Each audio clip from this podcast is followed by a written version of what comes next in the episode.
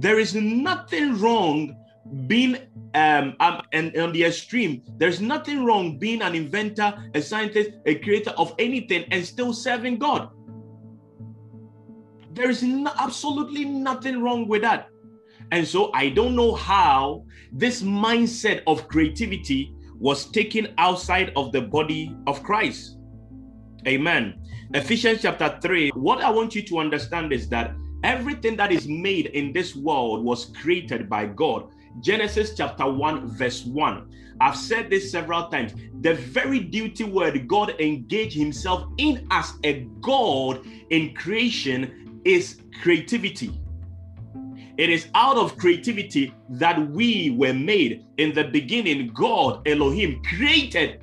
In fact, in his creativity, uh, it put it as by forming from nothing. So it is out of a place of conceptualization there is something we call the seed of the mind. But you, in your conceptualization, which is the seed of the mind, the seed of the mind is able to produce. It is the embryo of everything that is made. It is made out of nothing. You don't have to have it before you make it. Listen to me. The seed of imagination, concept, concept originate out of a place of nothing. It is a nature God has given to us. But He has promised us that in this in this way of I am uh, having concept, He is able to cause it to come to pass only if we are able to bring it to a place of imagination. And He says, far beyond our dreams. Today, man can go to moon. Today, man can make oxygen um, on the surface of Mars. To, I mean, come on, you you to think through this we could win to the body of Christ. What is wrong? Knowing Christ Jesus and wanting to explore the universe. What is wrong? After all, he told us he has given us everything. What is wrong? Knowing Christ Jesus, having a relationship with the Father, and wanting to explore the universe.